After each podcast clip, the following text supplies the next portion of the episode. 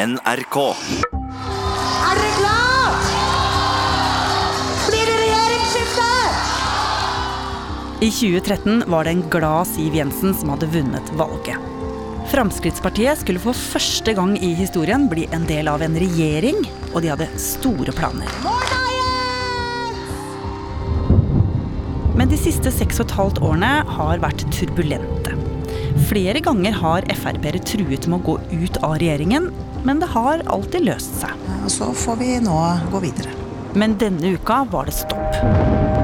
Fremskrittspartiet går ut av regjeringa. Det bekrefta partileder Siv Jensen for kort tid siden. Jeg tok oss inn i regjering, og nå tar jeg Fremskrittspartiet ut av regjering.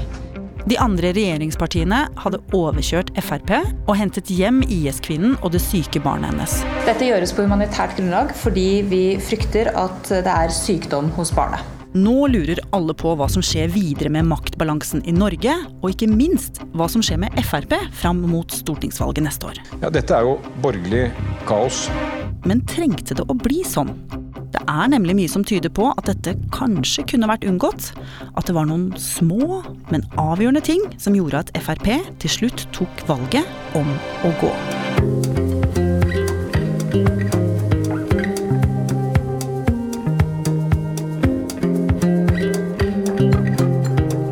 Du hører på Oppdatert. Jeg heter Ragna Nordenborg. Denne saken har vært en hodepine for Frp-leder Siv Jensen helt siden oktober. Grunnen til det er at det da ble klart for regjeringen at den eneste måten å hjelpe en syk femåring på, var at man også brakte hjem en terrorsiktet kvinne til Norge. Lars Nehru Sand er politisk kommentator her i NRK. Hun har visst at dette kom til å bli bråk i partiet, og så skjønner hun at hun ikke kan si noe til noen. Hun kan ikke true med eller gå ut av regjering, for da vil hun ikke kunne si den egentlige grunnen, og ingen vil forstå hvorfor hun da gjør det. Derfor så er hun avhengig av at denne historien blir fortalt på en riktig måte for at hun skal ha kontroll. Men det skjer ikke. Norge henter tilbake en IS-siktet mor og to barn fra Syria. Det er den trolig alvorlig syke femåringen og familien hans som får komme tilbake til Norge. Da Aftenposten på tirsdag litt før klokka tre publiserte nyhetene om at den terrorsiktede kvinnen er hentet hjem, så har ikke Siv Jensen rukket å varsle partiet sitt. Mange toppolitikere i Frp får derfor vite om saken gjennom mediene. Det finner veldig mange ekstremt ydmykende og nærmest sjokkerende at, eh, at det skjer, og er ikke forberedt i det hele tatt. Det gjør også at eh, Siv Jensen, som overlater håndteringen av dette til Sylvi Listhaug og Jon Helgheim, eh, kommer litt på defensiven, og hun selv er på reise i utlandet. Så hvis Siv Jensen hadde kunnet varsle partiet på forhånd, hva hadde skjedd da?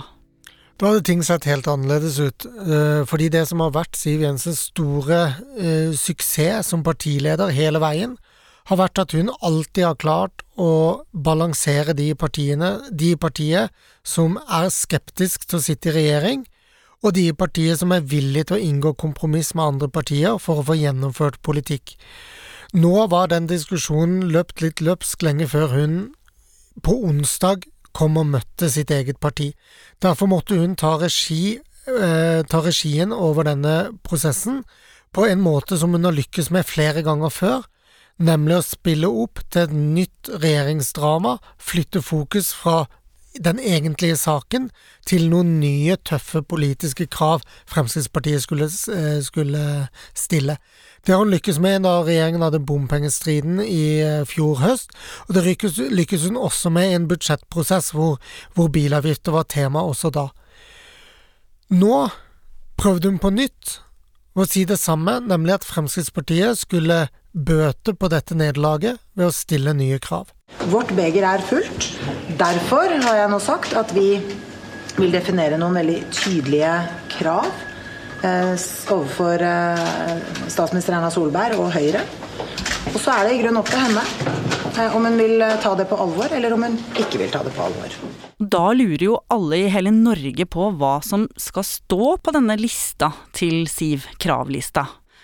Lars, du så veldig travel ut sånn eh, onsdag-torsdag i forrige uke. Var mye nede i mobilen din og litt vanskelig å få, få snakka med deg. Hva var det du holdt på med da? Jeg må beklage det, men det var, det var jo intense dager. Ja, det handler jo om å snakke med mest mulig folk, sende SMS-er og chat og på alle måter prøve å komme i kontakt med de som vet, eller de som man tror vet, eh, på de rette tidspunktene. Og hele onsdag og torsdag ble, eh, ble det mye snakking med, med sentrale Frp-ere om eh, hvordan man resonnerte egentlig vel så mye som som å finne ut hva de eksakte kravene var. Eh, fordi det er litt viktig å forstå settingen før man snakker med de som de fåtallene som virkelig vet og jobber med selve lista. Men fant du ut noe? Vi fant jo ut at uh, sikkerhetspolitikken var det viktigste. Det var det som uh, peila oss ut. Selv om det kom innspill om alt fra bompenger og bensinpris til det ene med det andre, så var, uh, var det viktig at det skulle være få krav. Eh, det skulle være konkret, eh, det skulle være realistisk, det skulle ikke være lett for de andre partiene å si nei, dette blir det ikke noe av. Men så, mens dette pågår, snakker Erna Solberg i debatten i NRK. Og så er situasjonen at eh, Noen ganger må du som regjering gjøre noen moralsk viktige valg. Og Dette er en humanitær handling som når du sitter og styrer en regjering du må ta stilling til, og som vi syns altså var nødvendig å gjøre på denne måten. Lars, her hører vi Erna Solberg snakke om at dette er et eh, moralsk spørsmål som hun rett og slett ikke kunne løse på noen annen måte. Hvordan oppfattes det budskapet i Frp? I Frp fører det til frustrasjon og forbannelse at eh, man opplever at Erna Solberg drar et moralkort og karakteriserer partienes moral. Ja, for det er, jo ikke sånn at, det er jo ikke sånn at de føler at de er umoralske. Nei, De mm, er jo opptatt av å hjelpe barna, det har de vært eh, hele tiden. Og de har også vært opptatt av at Norge ikke skal eh, forhandle med det de mener er en terrorist, og, og hjelpe denne personen hjem. Så hva skjer i Frp etterpå? Dette blir tatt veldig ille opp av veldig mange i Fremskrittspartiet. De føler at man nå er tilbake på det som ødela mye av samarbeidet mellom Høyre og Frp for mange år siden, hvor Høyre fikk en Eh, stempel på seg som veldig arrogante i Frp-kretser. Dette gjør da at eh, det blir en økt motstand mot å fortsette i regjering blant flere i Fremskrittspartiet. Da blir kravlista litt underordna inn i den eh, avgjørende helgen for Fremskrittspartiet, hvor det blir en mye sterkere press på å forlate regjeringen. Frp-toppene i nytt krisemøte i kveld, snart klare med kravene til Erna Solberg som kan ha forverra situasjonen med uttalelser om moral. Det er ingenting i veien med vårt moralske kompass. Det koker i Frp. Flere fylkesledere krever at Frp går ut av regjering. Trusselen er helt reell, og hvis ikke at Erna Solberg ser at eh, nå har de gjort noe alvorlig feil mot Fremskrittspartiet, så kan det godt skje. Og på søndag så kaller Siv Jensen sammen toppledelsen i Frp for å bestemme seg for hva de skal gjøre. Ja, det blir det avgjørende møtet i Fremskrittspartiet. Da begynner flere og flere å argumentere med at en kravliste kanskje ikke er veien å gå, fordi man da legitimerer hele hjemhentingen av den terrorsiktede kvinnen og sier at det er greit så lenge vi får oppfylt disse fem-seks tingene her. Derfor så blir det, i hvert fall i løpet av det møtet, tydelig for Siv Jensen at uh, enten så vil hun tape en avstemning på om Frp skal fortsette i regjering eller ikke, eller så må hun selv ta det initiativet og si at det er det eneste rette å gjøre nå. Og Derfor så blir det søndag kveld en gang etter klokka seks klart at uh, Fremskrittspartiet kommer til å forlate regjeringen Solberg. Det finnes ingen annen løsning. Og det er det Siv som da sier sjøl. Ja, og det er også det hun legger frem for Erna Solberg på mandag formiddag.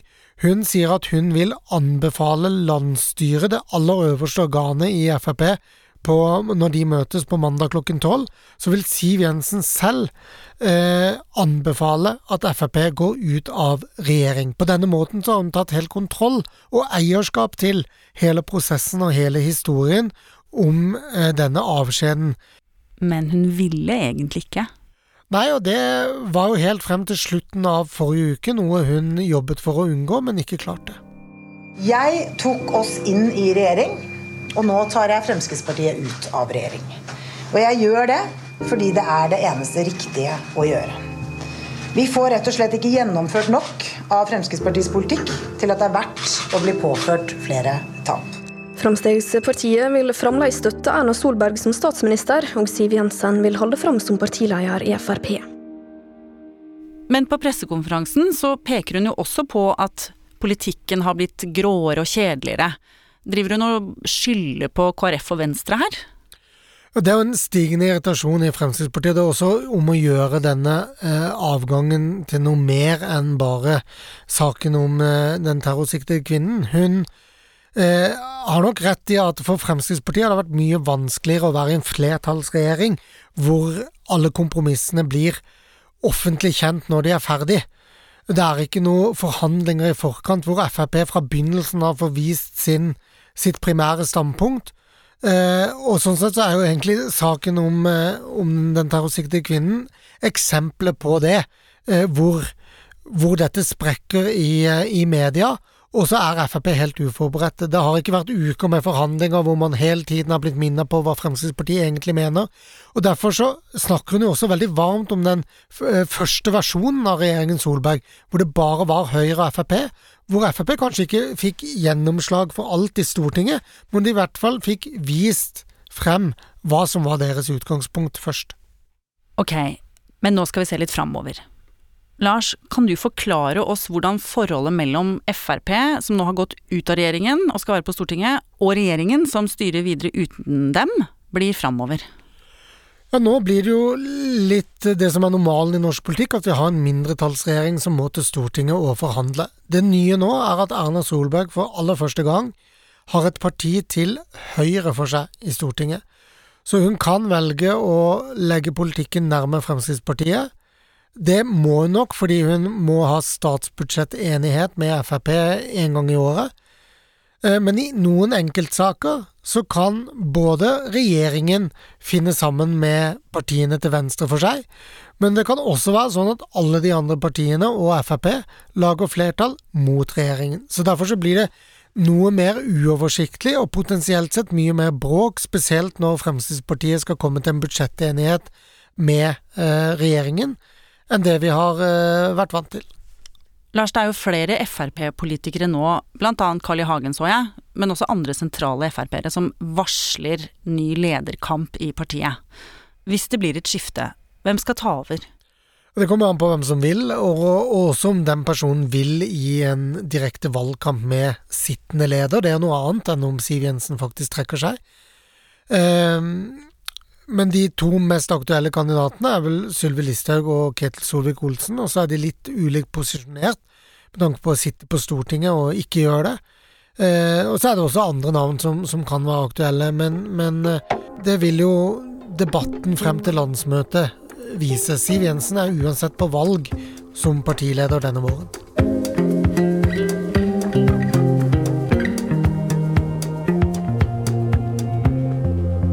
Oppdatert lages av Katrine Nybø, Jaran Ree Mikkelsen, Stian Kallekleiv, Natasha Arthur, Ida Tune Øretsland, Petter Sommer og meg, Ragna Nordenborg. Vil du kontakte oss, gjør det på oppdatert krøllalfa nrk.no.